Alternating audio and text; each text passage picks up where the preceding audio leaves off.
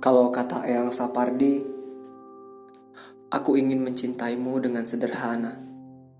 Dengan kata yang tak sempat diucapkan oleh kayu kepada api yang menjadikannya abu.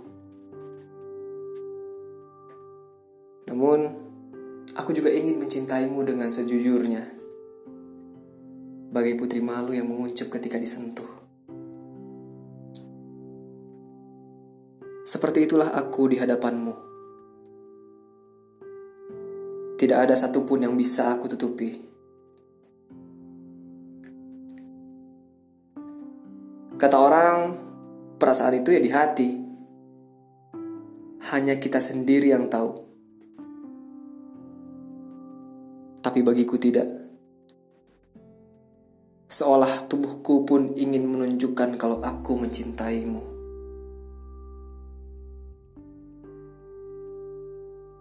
Aku tidak suka merepotkan orang lain. Itulah sebabnya, ketika jatuh cinta, aku tidak pernah memaksa untuk dicintai.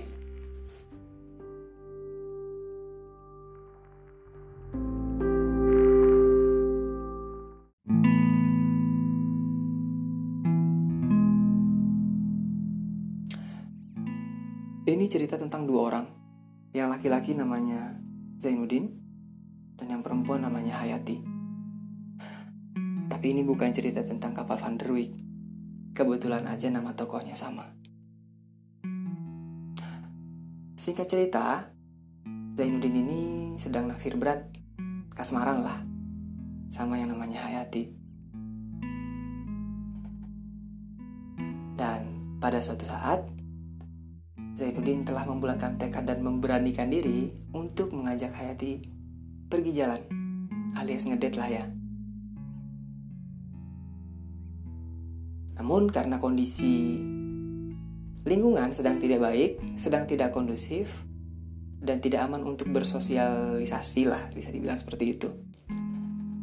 Maka janji itu pun dibuat untuk tidak sesegera mungkin Zainuddin menawarkan bagaimana kalau sebulan lagi. Dan Hayati pun mengiyakan. Ya, simpelnya itu cukup membuat hati Zainuddin sumringah. Wah, akhirnya bisa bertemu dengan Hayati. Kurang lebih itulah yang dipikirkan Zainuddin pada saat itu. Walaupun harus menunggu lama.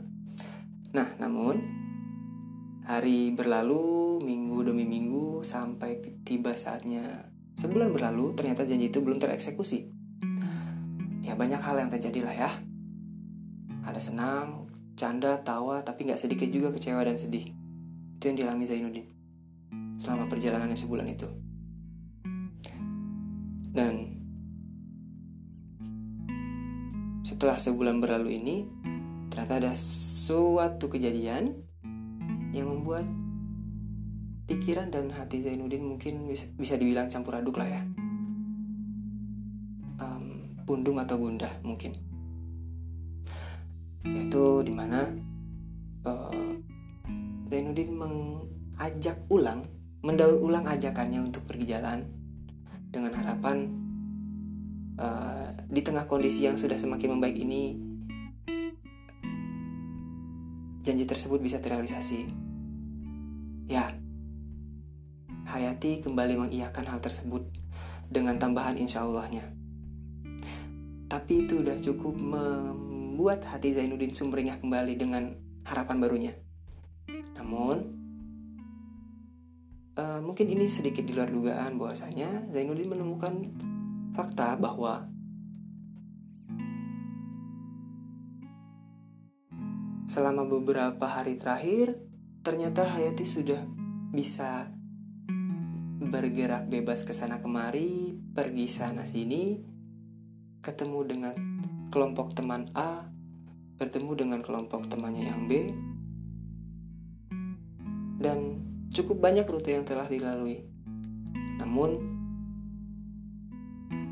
ya, Zainuddin tidak terlalu mencari tahu ke mana dan dengan siapa aja tak yang ditakutkan itu hanya membuat hatinya makin terluka kalau misalkan Zainuddin tahu semua kenyataannya Hayati pergi ke mana dan sama siapa aja.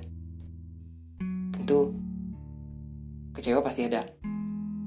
Di mana janji yang telah ia nantikan itu belum terrealisasi, namun Hayati sudah bisa membuat janji-janji baru dan bisa bersenang-senang dengan orang lain. Ya, walaupun itu hanya temannya, namun itu cukup membuat Zainuddin berkecil hati.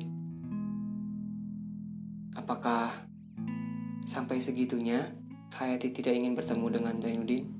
Atau bahkan apakah Hayati memang benci dengan Zainuddin? Ataukah selama ini hanya berlandaskan ketidakenakan semata untuk menanggapi Zainuddin?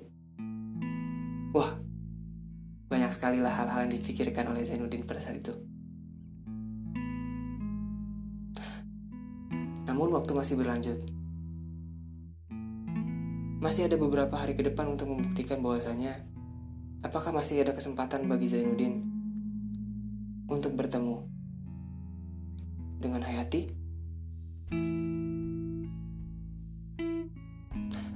Ya, nggak ada yang tahu apa yang terjadi esok, nanti, lusa, dan seterusnya. Cuman Zainuddin berusaha mengikuti kata hatinya dengan teguh. Meski hati berkata letih, tapi tekad mengatakan jangan menyerah. Mungkin Zainuddin tinggal menunggu beberapa waktu ke depan bagaimana hasilnya. Ini adalah cerita yang belum selesai. Mungkin kita bisa sharing di lain waktu.